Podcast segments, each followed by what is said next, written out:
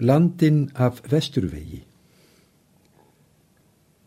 Húmblæjan ofst yfir frakkafold, flóðbreyður teiguðu sóldreiran sveig. Í blóðlitum föðmuðust móða og mold, hjá márlausum hverfum og örendum lundum. Ómar af hóftinum hljóðnuð á grundum, af hafinu skuggi döðans steig.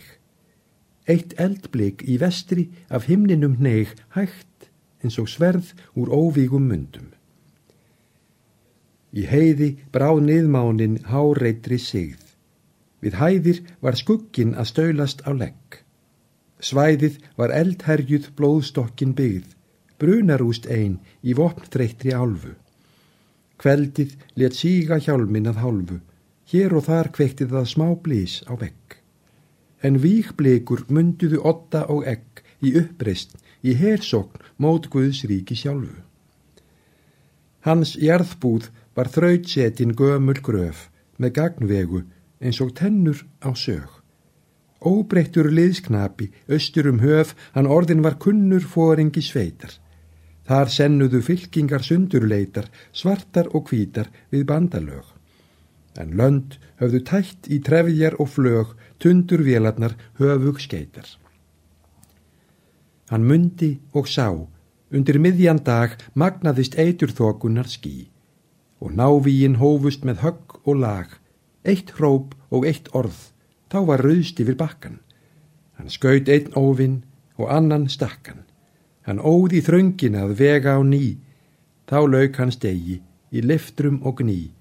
Hann leitt á sinn banamann, sunnu blakkan. Í dauða hjá einstöku áfangastað á öræfum tímans vor sál stendur við. Hans fyrsti var eiri, á ferð yfir vað. Fljótið var lengt en það rann á nakkin. Á staðnum var ringt, þar blasti við bakkin. Bæði foreldrin riðu á hlið. Hann myndi fjarlægan flúðan nið, á fólanum hans var glófekstur makkin.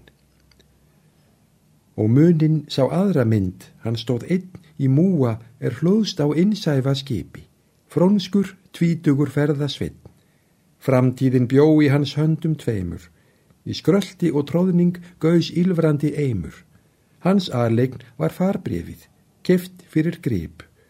En þar nam hann fyrst eins og þýtt og svip af því sem í fjalltalnum kallaðist heimur.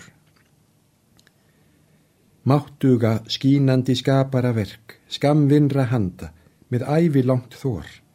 Þar frelsandi sléttan, fang mjúk og sterk, fóstrar hvert barn hins sækjandi vilja. Vestmörk, í armlögum heimsvíðra hilja, háskóli lífs, fyrir manntápsins vor. Þar reysir eitt bragð, þar byltir eitt spór, til böls eða auðnu veginnir skilja. Herboð var úti um byggð og um borg. Í bæ einum smáum var nafnans skráð. Þar alþjóðamenn sóttu túnsins torg og tíðindi fréttu handan úr álfu. Af hjartanu, allt eins og andanshálfu, þeir egnuðust staðnum. Þar lífið var háð. Minningalönd voru þekkt og þráð, en þjóðverðni mertist af valdinu sjálfu. Land vorar skildu, vor fóstrandi fold, skal flétta mannlegu stríði sinn krans. Hvar vegalók urðu í veraldarmold, vex yfir nafninu ódáinn smeyður. Bóðorð vors hugar og heilagi eyður hersins og þegna til síðasta manns. Að deyja í hlýðni, að lögum lands, er lífsins króna og eilífi heiður. En þjóðheftin kvotvitsins, blindni og böl, blóðvarki sigaði yfir vorn heim.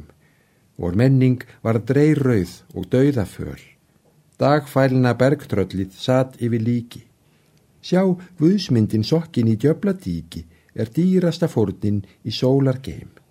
Því samviksla, eining af öfgum tveim er ævanna hlutverk í skaparans ríki.